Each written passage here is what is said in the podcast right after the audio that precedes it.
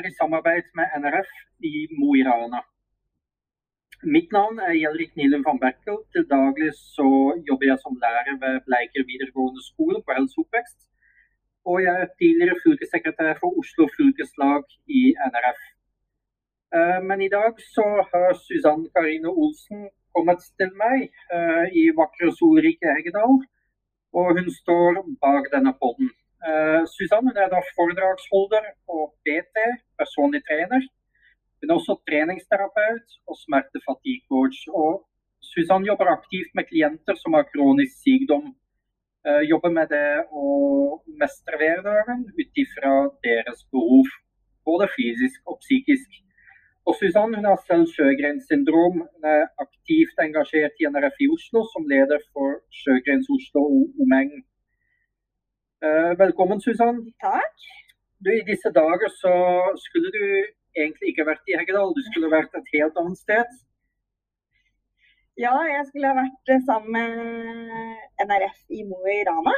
Eh, vi har jo før korona, jeg og Unni, da, som er leder for for gruppa der oppe. Eh, har jo prøvd flere ganger at jeg skal komme opp og ha workshop innenfor eh, trening og fortelle om det å være usynlig syk. Og det er en forlenget arm fra når vi hadde tema i NRF for noen år tilbake om å kartlegge hva er det å være usynlig syk og det å ha revmatisme som ikke synes. Eh, men pga. omstendighetene så har vi jo blitt stoppet pga. restriksjoner i Oslo, smittefare osv. Og, og reisen ikke er så trygg. Og jeg skal også føde om noen uker, så akkurat det er eh, litt utfordrende, det òg. Og da kom vi, etter at du og jeg Elrik, lagde podkast for dine elever, så ble jeg jo inspirert på at dette her er en veldig fin måte å formidle informasjon på. For et foredrag er jo det å snakke med og til en forsamling. Og det gjør vi for så vidt her også, men vi kan jo nå så innmari mange flere i disse dager. Ja. Så sammen med Mo i Rana så har vi bestemt oss, som du sa i stad, lage tre episoder som henger litt sammen. Og da er eh, denne her litt av introduksjonen av det foredraget jeg skulle ha holdt. Og så skal vi gå litt mer inn på trening, og da skal vi jo etter hvert faktisk prøve å ha en eh, workshop mm. som eh, vi skal snakke litt om. Og så senere så skal vi snakke litt mer om det å være aktiv i jobb med en kronisk sykdom. Men først eh, denne episoden her. Ja. ja. Og den valgte du å kalle for den, den røde tråd. Mm. Uh, og der, der, skal vi gå litt inn i ditt liv. Uh, reisen til i dag. Uh, så litt senere så skal vi da gå inn på hvordan du jobber som treningsterapeut og åpnet klik med to andre som har vært gjennom tilsvarende reise. Så det kommer senere. Men først vi skal bli litt kjent med deg, eh, Susann. Eh, få et innblikk i reisen din som ung kroniker. Og det er på godt og vondt. Eh, du har alltid tatt litt som motto 'litt er bedre enn ikke noe' og 'kill your darlings'. Mm. Så fortell litt om deg selv. Hvem er du? Hva holder du på med i dag utenom å være gravid og gå rundt med baby i magen? Ja. Um, altså, hvis jeg skal starte litt eh, fra, forfra, da, så var jeg jo en ung og aktiv jente som var glad i livet, være sosial. Og mye av min hverdag var jo med fysisk aktivitet. Og det å danse, eh, ballett, var kanskje min største lidenskap. Og det har jeg jo tatt med meg eh, også gjennom livet til den jeg er i dag, og hva jeg holder på med i dag.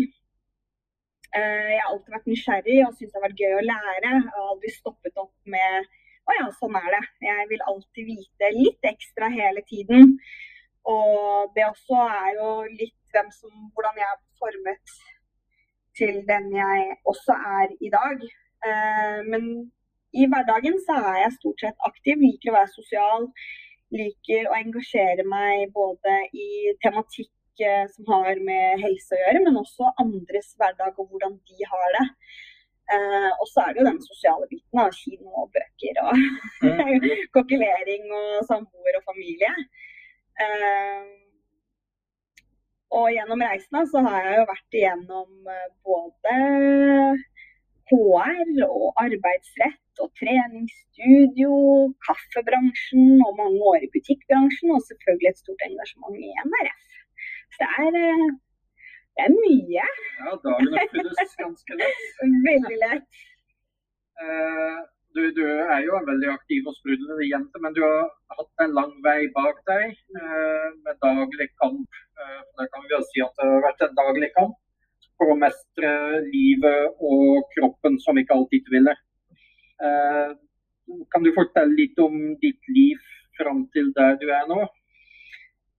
Ja, jeg startet jo som kanskje 14-15-åring med at i en dansetime begynte å få lette smerter i håndledd og ankler og hofter i, en, i ballettimen. Jeg orket ikke mer. Det gikk sakte, men sikkert liksom negativt etter trening. Og etter å slite litt, så var det en, eh, en ferie jeg og min mor skulle gjennom. Og for å fortelle kort, så var det at eh, fra å være aktiv til å være sengeliggende gikk rett og slett over natta. Og å se uttrykket til min mor den morgenen der jeg våkner opp og nesten ikke klarer å gå på toalettet, eh, da skjønte jeg at dette her var jo litt mer alvorlig enn bare at en kropp var overtrent. Um, og til å bli kalt og, altså flink pike og overstresset, overtrent, til å faktisk få en diagnose og kjempe seg gjennom ved å være periodisk sengeliggende få smertestillende opp etter ørene og knaske det som sukkertøy, til å vite at det er faktisk noe som herjer. Det, det, har vært en lang og tøff reise, og spesielt det å ikke bli trodd at man mm. har det vondt. Mm. Um, at uh, man blir misforstått. Så det er vel kanskje noe av det som i temaet usynlig syk, er jo at man er jo så frustrert og misforstått at uh, man kommer til stykket at man ikke orker å snakke om det. Eller kanskje snakke for mye om det. Um, så jeg vil jo liksom ja, så tenker liksom tilbake når jeg også har nå blitt gravid og så snakket med mine foreldre hvor den redselen de har ved at jeg går gjennom et svangerskap, at de også nå har sett at jeg faktisk har hatt symptomer siden jeg var to år gammel. Og deres frustrasjon rundt det hele, at jeg skjønner at redselen har jo skapt over til meg også. Mm. Og gått over til meg, den skepsisen av hva skjer nå, hva er det neste? Um, skal vi tørre å la henne gå og være med på dette her? Hva skjer på en overnatting? Kan hun få vondt igjen? Jeg skjønner jo at den skepsisen og den der overbeskyttende mamma og pappa-syndrom også har jo påvirket meg en dag i dag. Og det fatter jeg jo nå, mm. som høygravid. Og Du sier at du hadde symptomer da du var to år. Mm. Uh, hvor gammel var du da du fikk uh, diagnosen? Jeg var 24 i 2009. Ja, 24. Ja. Mm. Og da hadde jeg jo vært gjennom revmatolog og undersøkelse siden jeg var 17. Ja. Uh, så det var en lang reise. Hører, det er noe man hører ganske mye uh, når man jobber uh, med mennesker med revmatisme. Mm. det, det, tar, det, tar, sin tid det tar lang tid. å diagnose. Men du fikk da Sjøgrens syndrom. Kan du bare kort si hva er Sjøgrens syndrom, for de som ikke vet? Ja, Sjøgrens syndrom er jo en autoimmun bindevevssykdom for å forklare det veldig enkelt og greit, så har man da vanligvis et immunforsvar som angriper eh, forkjølelse og infeksjoner i kroppen. Mm. Eh, kall det lag A. Og så har jeg da også et lag B, som er litt forvirra. Så når sykdommen kommer, så angriper jo ikke de forkjølelsen, hvis vi skal ta det som et eksempel, men de angriper lag A. Og dermed så blir det clinch mellom mitt eh, apparat framfor at de tar sykdommen. Og da kan det være at jeg har da infeksjon i over lengre tid. Ja.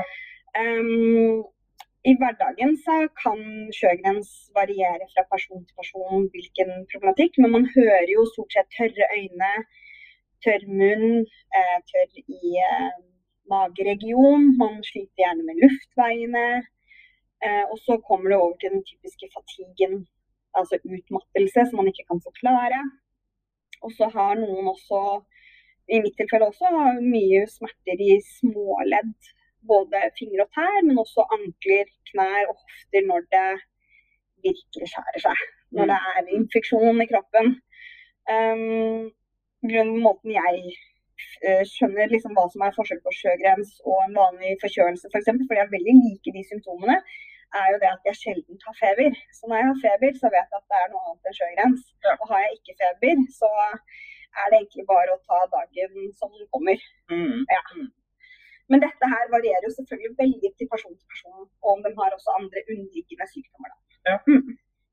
Men du var 24 eh, da du endelig fikk, fikk diagnose, og på en side er det tøft å få en diagnose, på en annen side så er det litt deilig kanskje å endelig ha en krok å henge deg på. Mm. Um, og for mange så er en sånn diagnose hammerslag. Uh, selv om du har hatt mange år å forberede deg til at det kanskje er et annet. Uh, mm. og jeg tenker når, hammerslag, når, det hammerslaget kommer, da, så har du to valg. Uh, du kan sette deg i et hjørne og gråte og synes veldig synd på deg selv. Eller du kunne kjempe imot. Hva var dine tanker? Hva, hva gjorde du? Um, man har jo selvfølgelig lyst til å sette seg ned og bare hylgrine. Uh, men legen min gjorde det jo veldig klart at siden jeg allerede hadde et veldig aktivt liv, og så hvor god stand jeg egentlig var i til en så ung person, og likevel hadde mye livsglede i meg, mm. så sa han det at uh, eh, 35 er nok en grense vi kan sette hvis du ønsker å bli uføretrygdet og ikke tar tak i livet ditt. Um, eller så kan du jo justere livet ditt i litt faen. Mm. Og prøve å gjøre det beste ut av det med et godt team rundt deg. Uh, og for meg da var det jo egentlig bare én meg òg. Det var jo det siste. Ja. Uh, og i dag er jeg ekstremt heldig med at jeg har et kjempeteam rundt meg og kan kalle meg medisinfri. Og leve med minimale plager fordi at jeg har roa ned tempo og har mm. god struktur og gode mennesker rundt meg. Ja. Ja. Men eh, det var et slag i trynet å få enten eller som 24-åring. For jeg hadde jo så vidt starta studie- og karrierelivet. Mm. Mm. Så Men du er inne på det med å være aktiv, og det har vi jo sett i Oslo, så da har vi hatt en god del treningsopplegg mm. til. Alt fra yoga til kajakk og langrennskurs osv. Eh, og man ser jo at selv om man er syk, så kanskje litt opp i alderen også, litt eldre enn det, så klarer kroppen ganske mye. Mm. Og mange opplever at de har en bedring av symptomene når man holder seg i aktivitet. Um, Samtidig har man det psykiske. da. Mm. Uh, aktivitet uh, utløser en del endorfiner. Det er sjelden at du kommer hjem fra en treningsøkt og sier oi, shit, det hadde jeg ikke gjort. Det var ikke lurt. Uh, stort sett så er man fornøyd. Så psykisk og det fysiske det henger veldig sammen. Har du, hatt, har, du jobbet bevisst med begge deler i tøffe perioder? Ja, det er absolutt. via balletten så har jeg jo hatt uh, mye pilates og altså, uttøying. Ja, det fine med balletten er at den er veldig disiplinert. Mm. Og det også har jo på en måte vært meg gjennom hele livet, er det at det, gjør vondt å tøye ut en muskel for å komme ned en spagat. Det gjør vondt å strekke, eller det er vondt å, å jobbe. Og det har jo vært perioder der vi har gått baklengs, for jeg har trent så mye tåspiss at det er som å ha på seg uh, slangeboots dagen derpå. Sånn at smerte er jeg på en måte vant med og, men da har jeg liksom påført den selv. Jeg vet hva jeg går inn i. Og det har jeg på en måte reflektert til nå i sentida, takket være den, den biten at den, det går over. Dette mm. klarer jeg. Mm. Eh, det er midlertidig. sånn at disse impulsene som kommer, disse intervallene med smerte i sykdommen, da, den, jeg vet at det går over. Eh, men eh, det har jo også vært tøft det der med at hva gjør jeg nå? For nå skjer det nå kjenner jeg at jeg ligger rett ut. Jeg kommer meg ikke opp på senga, jeg kommer ikke å gjøre det jeg skal. Og vet at jeg må avbooke alle avtaler. Og vil de forstå, så da går det med på det psykososiale rundt meg. Mm. På hvordan skal jeg forklare dette her til omverdenen, hva som skjer. Um, og det har vel kanskje vært det tøffeste. Hvordan ordlegge meg på riktig måte. At hei, i dag er jeg faktisk ganske dårlig. Mm. Og akseptere at jeg er så dårlig. Og det, min medisin i dag er faktisk en kopp te eller to og Netflix. Jeg skal ikke gjøre så veldig mye mer enn det i dag. Og det er ganske kjipt når man er selvstendig næringsdrivende eller er aktiv i jobb. Uh, også sosialt, kanskje bygd opp hele uka til at den her er ganske heftig. da. Så får ikke gjort halvparten av det. Ja. Um, og da må det være sånn er det bare. Det er, og det er kanskje det største kamp med det å være altså På én side har du jo sykdommen som du bekjemper, mm. men det å være usynlig syk, det er den forståelse fra, fra omverdenen. Mm naboer, eh, kollegaer, venner, hvor du plutselig må avlyse et eller annet avtale, for i dag har du en dårlig dag. Og da er det veldig fort at omverdenen som ikke ser at du er så syk, øh, føler at øh, nei, bare later som. Mm. Hun har lyst på en dag på sofaen. Mm. Um, er det noe du har kjent mye på? Ja, veldig. Um, jeg har jo hatt en pappa som kalte meg hypokonder tidlig det er alltid noe gærent er alltid lenge forkjøla er alltid syk. Mm. Eh, så vi hadde jo noen regler hjemme som ung der hvor at eh, jeg fikk ikke lov til å gå ut av eh, huset før jeg hadde spist to brødskiver og, og kommet meg i gang. og liksom den biten der, Og jeg fikk heller ikke gå og danse som var på en måte igjen min gulrot uh, hvis jeg ikke hadde vært på skolen. Uh, og bekjempa meg gjennom det. Men på det så visste de jo heller ikke hva det var som holdt meg igjen. Mm. Jeg måtte jo ha det svart på hvitt og kunne referere til at jeg er faktisk syk. Og jeg husker jo at jeg hadde jo bemerkninger på videregående at det er alltid et eller annet med deg. Er det oppmerksomhet du vil ha? Er det sånn du vil ha det? Er det Jeg har kanskje gjort noen valg også som kanskje har vært fordi jeg har vært rusa, hvis du kan holde det, på smerter. Ja eh, som har hatt større konsekvenser i ettertid. Kanskje nå i, i senetid, nå som jeg til jeg nå har vært så bevisst på hva som skjer. Mm. Så det er jo ikke bare den sosiale biten også, men det er noe med det at man får liksom disse trolljegerne, hvis man kan kalle det det. De ja. som hatcher deg på, på, nett og på telefon og et eller annet. Det kommer noen stygge bemerkninger, og det har jeg også igjen via svangerskapet nå også. Fått et par som jeg trodde var mine nærmeste, eller ikke nærmeste, men venninner. da som har på en måte sagt hvorfor er du ikke mer bekymret for å være gravid som kronisk syk? Og den syns jeg er egentlig litt tøft å få, for jeg har aldri vært i så bra form som jeg er, mm. er nå. Mm. Eh, av helseteam og hvordan livet mitt har egentlig vært de siste to årene, tre årene. da. Eh, og det også har vært tøft å svelge. Hvorfor skal jeg være bekymret når alt er bra og verdiene mine er fine? For det er det jeg stoler på. Så, så ja, man merker kanskje en psykisk mobbing ja. hvis jeg kan kalle det det, av de som ikke er innforstått hva egentlig de gjør, istedenfor å kanskje tilegne seg informasjon. Eller spørre hva er egentlig sjøgrens, og hva er mm. det for deg? Mm. Men det er ingen som er interessert i å spørre om det, fordi de er så opptatt med seg sjøl og sitt. Det er vel kanskje sånn samfunnsutfordring også med at så det har vært veldig obs på navere.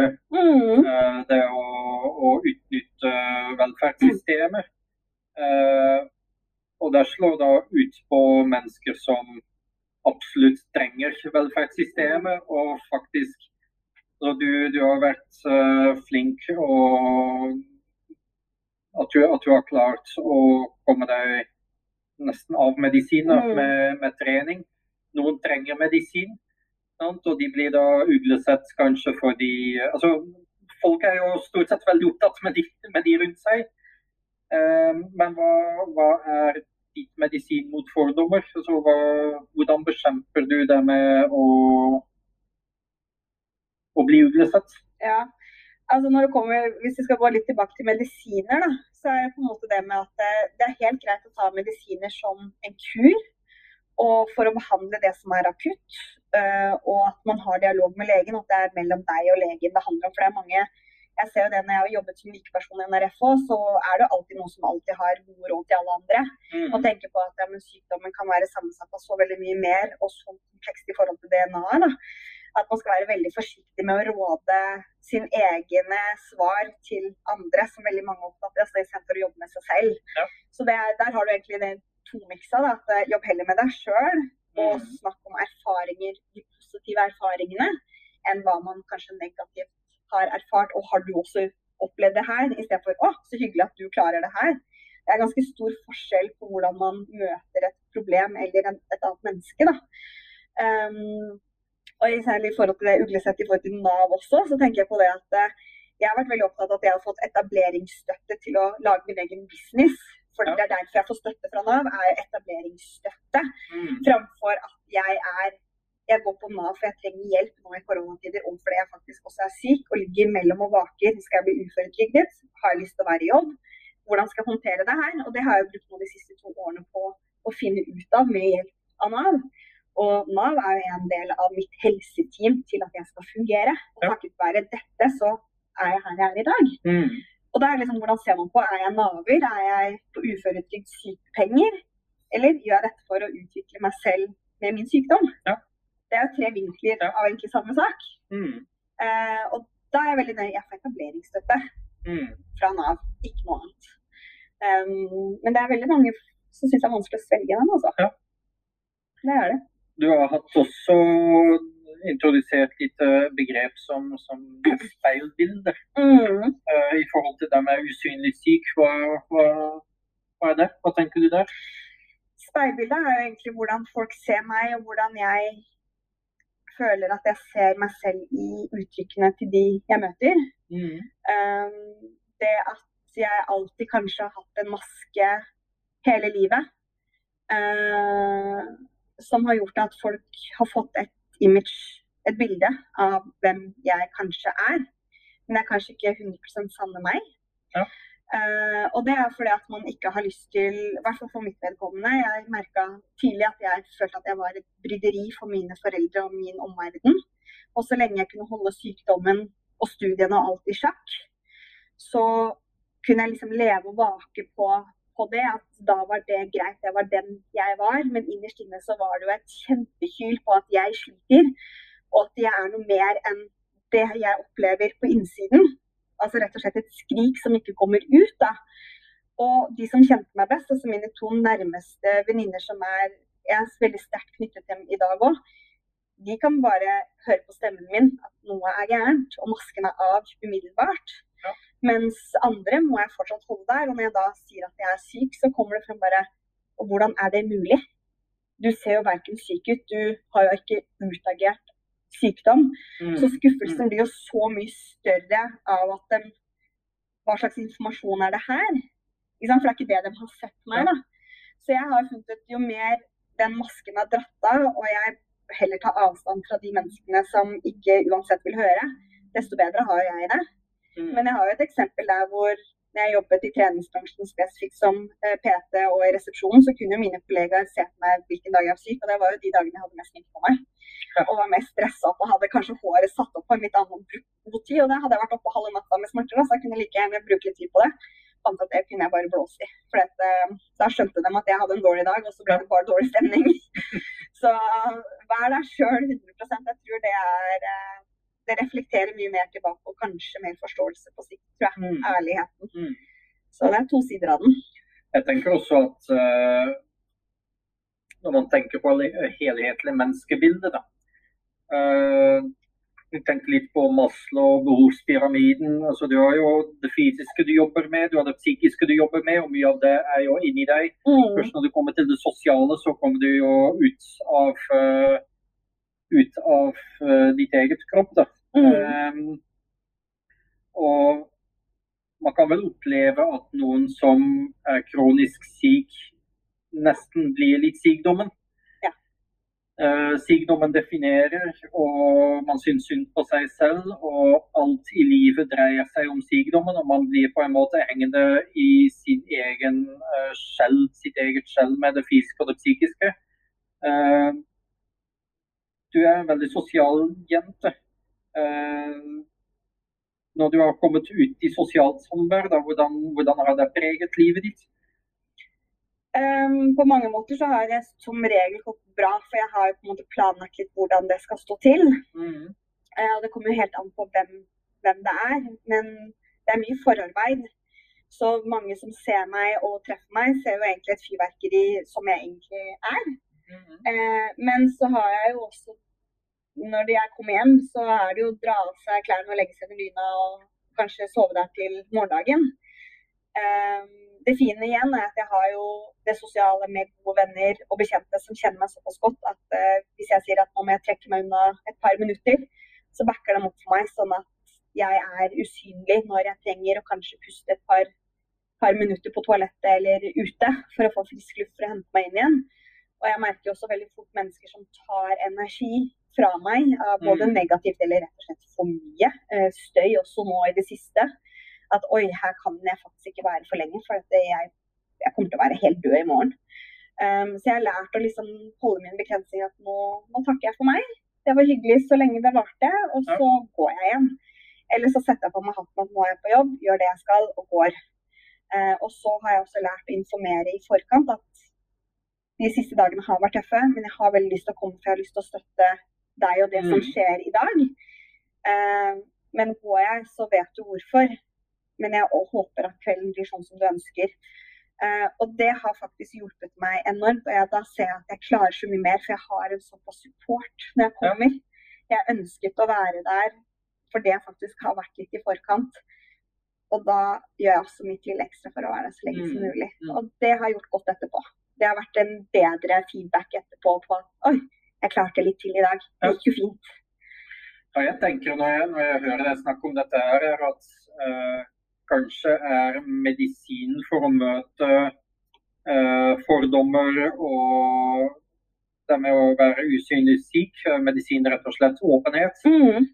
Eh, stole på deg selv, være trygg på at eh, det du sier, altså at mennesket i utgangspunktet vil det beste mm. med, med, hverandre. Eh, det å være åpen om sin sykdom og sine utfordringer. Eh, kan det være en måte å eh, takle det at, det slipper, at, du slipper å få fordommer? Det kommer helt an på hvor åpen man er. Mm. Eh, jeg har nå lært meg til istedenfor å prokke på folk min sykdom, så hinter jeg forsiktig, og så kan de heller spørre når de er klare. For det handler jo om at man er på samme frekvens. Ja. Eh, men er folk villige til å møte med forståelse og nysgjerrighet, så har jeg også lært meg til å ordlegge meg kortfattet, sånn som i stad. Hva er egentlig sjøgrense, hva skjer? Og så ler folk litt. Å ja, er det sånn det er? Men det er veldig lett forklart, istedenfor å gå inn på nettet og lese hva det kan være, for der står det så mye rart. Ja. Og det sier altså Gå heller inn på NRF sine sider og les kort om sykdommen, eller snakke med noen som virkelig kan. Mm. Um, men ja, absolutt det å være åpen på at man er er syk, men ikke farliggjør det eller gjør seg sykere for å få oppmerksomhet eller at folk syns synd på. Det sier jeg jo med en gang òg. Jeg er ikke her for å informere for å bli syntes synd på, for jeg syns ikke synd på meg sjøl. Men jeg ønsker en forståelse på at trekker jeg meg unna, så er det ikke personlig. Det er mm. fordi at jeg trenger space for min egen del, og så kommer jeg tilbake så fort jeg er klar. Og da er det litt lettere å trekke seg unna uten å komme med alle disse unnskyldningene. Mm. For det har jeg vært veldig flink med tidligere. At det faktisk kan gå bare det er hva det er. Beklager, men slik er dagen. Vi ses neste gang. Ja. Um, og folk blir jo litt sjokkert når man er såpass direkte, men igjen, det er hva det er. Mm.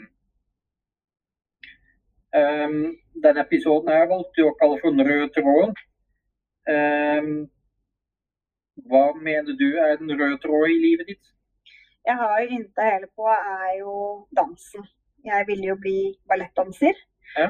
Og disiplinen og det samværet jeg hadde både sosialt, men også fysisk, gleden eh, Det var noe jeg var flink til i forhold til at jeg hadde en kropp som ikke fungerte, og at eh, jeg hadde dysleksi på skolen. Jeg sleit på skolen eh, av flere grunner. Mye mobbing for at jeg var, var meg sjøl. Eh, så balletten var på en måte mitt eh, fristed, der hvor jeg var flink. Jeg var dyktig, og jeg hadde et potensial. Eh, og den styrken har vært gjennom hele livet mitt med fysisk aktivitet. Og når jeg får da høre av en revmatolog at hadde ikke vært for balletten, så hadde du ikke vært så sterk som det er nå. Så fortsett å være aktiv. Mm. Gjør ting som er bra for deg, som gjør deg happy. Og det har tatt med meg videre. Og derfor er den røde tråden er jo det å være happy med fysisk aktivitet. Ja, Susanne, nå er vi ferdig med del én. Og uh, der snakket du veldig mye om den røde tråden i livet ditt. Uh, i denne lille snuten så skal vi lage en liten workshop. Um, du snakket om at uh, man kan gjøre det individuelt, eller kanskje kan man gjøre det sammen med familien, eller i en gruppe hvis man hører sammen på det. Uh, og hva tenkte du at uh, lytterne kan gjøre der? Det jeg vil at lytterne skal gjøre her, er jo å gå litt i seg sjøl og tenke på hva er det av ting man kan gjøre som man blir glad av.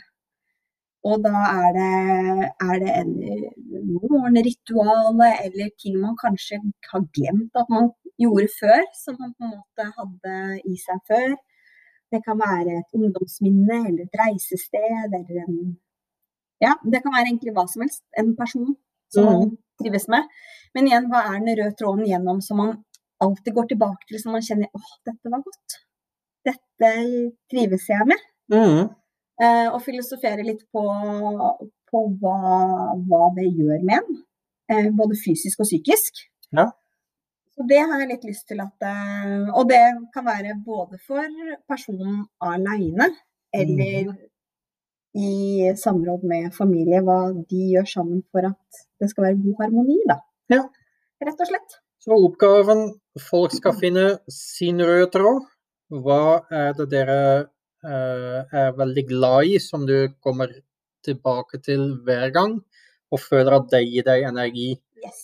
Uh, det gjør deg livsglad. så gå litt inn i dere selv. Snakk litt med venner, kanskje med familie med de du er sammen med, ehm, og finn din røde tråd. Rett og slett. Og så skal vi gå videre i del to.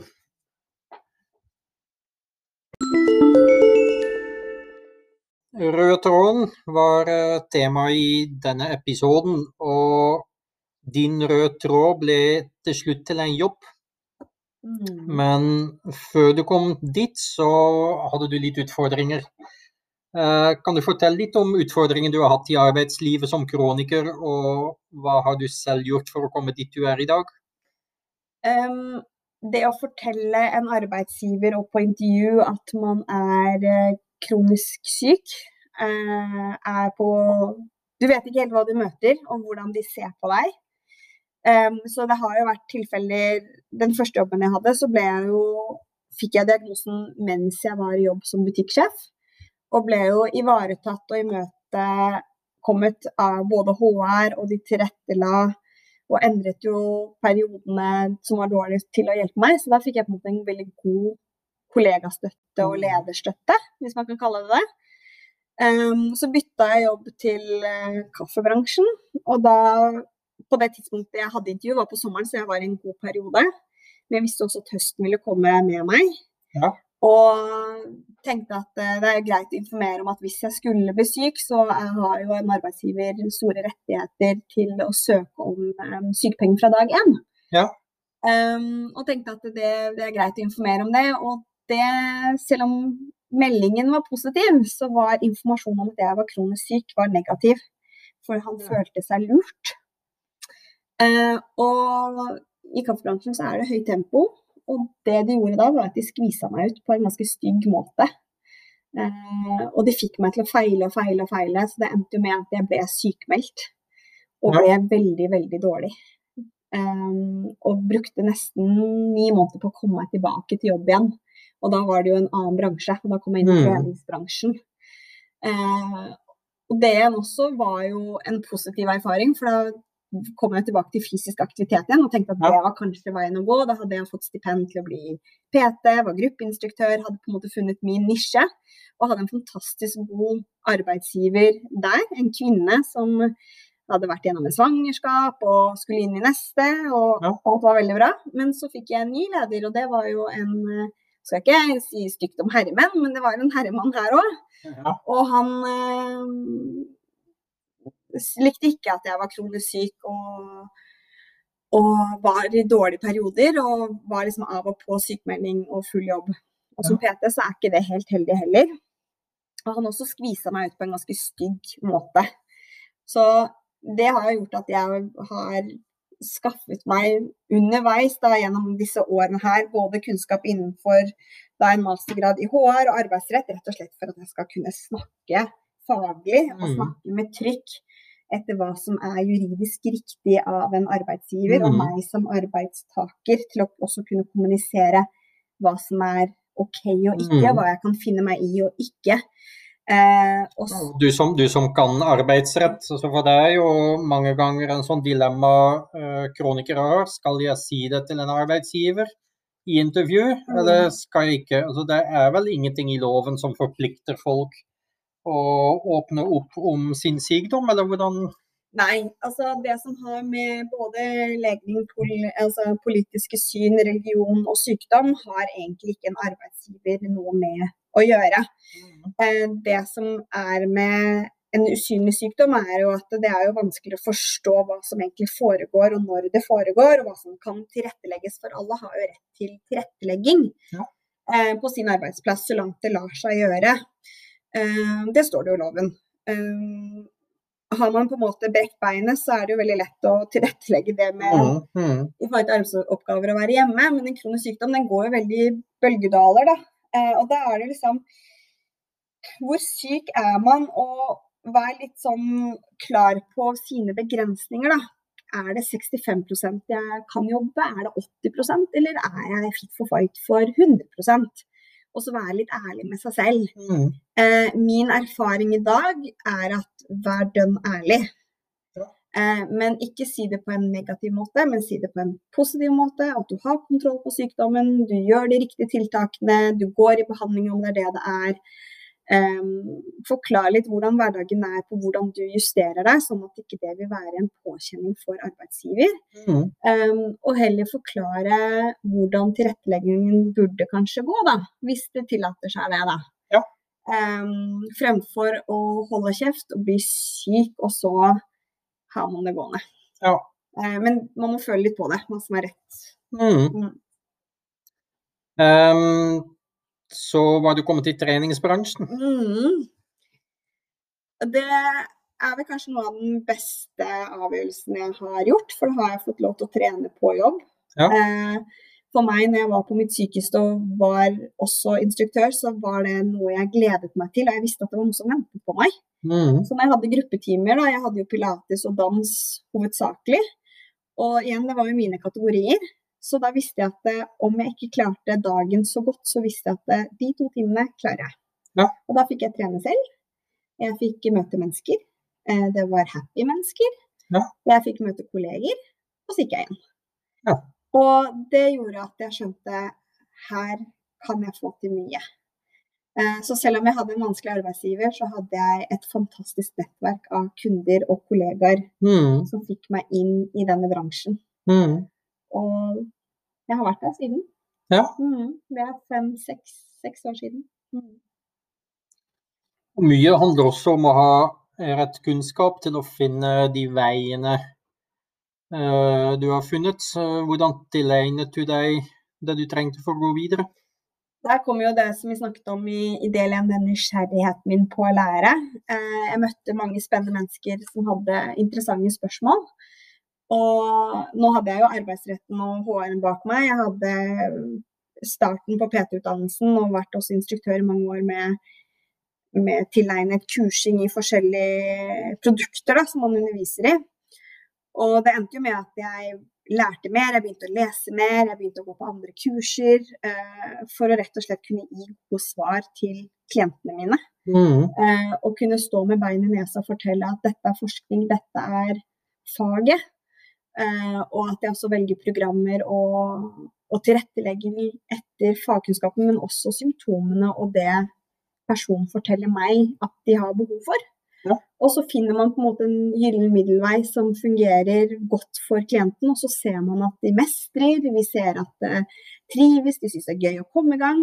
Og da plutselig føler man jo også jeg en mestring i min jobb, at det, her har jeg faktisk truffet ålreit. Og personen kommer igjen og igjen og igjen. Da. Mm. Eh, så det har noe med nysgjerrighet på medmenneskeligheten og faget og kombinere de to sammen, Ja. rett og slett. Mm. Aldri slutt å være nysgjerrig. Aldri slutt å være nysgjerrig. Uh, og apropos nysgjerrig, altså du, du som jobber mye med aktivitet. Uh, Jeg selv hadde litt dårlig erfaring med gym i videregående, og bare jeg hører ordet trening, så får jeg litt stress. Men samtidig så liker jeg aktivitet, og jeg liker å tenke at jeg er aktiv. Hva, hva er forskjellen mellom aktivitet, fysisk aktivitet, trening, rehabilitering? Hva, når holder man på med hva? ja, det er, det er, et spørsmål mange lurer på. for Man sier at det er viktig å være fysisk aktiv. Uh, og så Jeg kan jo starte med å være fysisk aktiv. Det har jo med at man får pumpa litt uh, opp og gå. da. Mm. F.eks. det å gå en tur, spille bowling, drive med en sport. Ja. men det er mer på hobbybasis. Mm. At man, det er veldig mye psykisk rundt til hele at dette, liksom vi snakket om i stad, den der um, Hva er den røde tråden? Ja. Det er noe man trives med. Ja. ikke sant? Og man kan være sosial med det, man kan skravle litt. Det, det er ikke noe konkurranse rundt det. Det kan godt være litt konkurranse og litt mm. og sånn, men det er mest for gøy og for kos, og at man kjenner at man har brukt kroppen. Ja. Eh, og så har vi vanlig aktivitet, da, er jo det sosiale.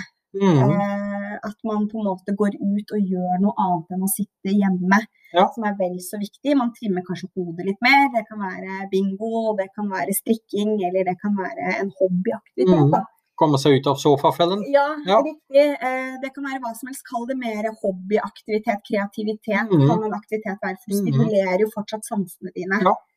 Eh, på en god måte for deg. Og det kan være hva som helst, mhm. egentlig. Og det kan være sammen med hvem som helst. Ja. Trening, det er jo mer organisert. Det er et mot et mål.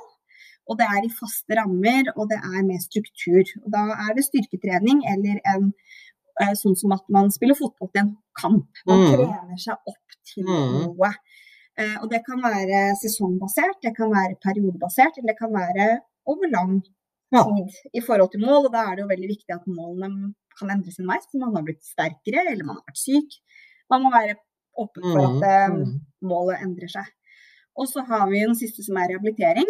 Og Der går vi over til mer fysioterapi, medisinsk behandling f.eks. Mm. Og det er over en kort periode. Ja. Eh, I Norge i dag så får man fort eh, seks til tolv uker rehabiliteringstrening eller etteraktivitet etter en operasjon eller noe sånt som det. Så kan man søke om lengre. Mm. Det er rehabilitering, og det er kortvarig. Og når man er ferdig da, så kan man gå over mer mot den fysiske aktiviteten, treningen, da. Det som er vel, eh, eller det som vi lærer uh, i medisinsk setting, så er rehabilitering gjerne det å trene opp en, en, funksjon man har tapt. Mm. Eh, hvis man alltid har vært fin i fingrene, spilt piano og plutselig får leddgikt i fingrene, så lærer du på nytt å bruke fingrene til mm. Da er vi vel litt inn i rehabiliteringsverdenen. Det er riktig, og det er det jo. Men da må man også være nøye med å se at det er ikke sikkert at man kommer tilbake til en funksjon man hadde. Men at man finner nye måter og kanskje er mer åpen på å finne alternativer til at man fungerer så godt man kan der og da. Ja. At da må man også lære seg til, til det, da. Mm.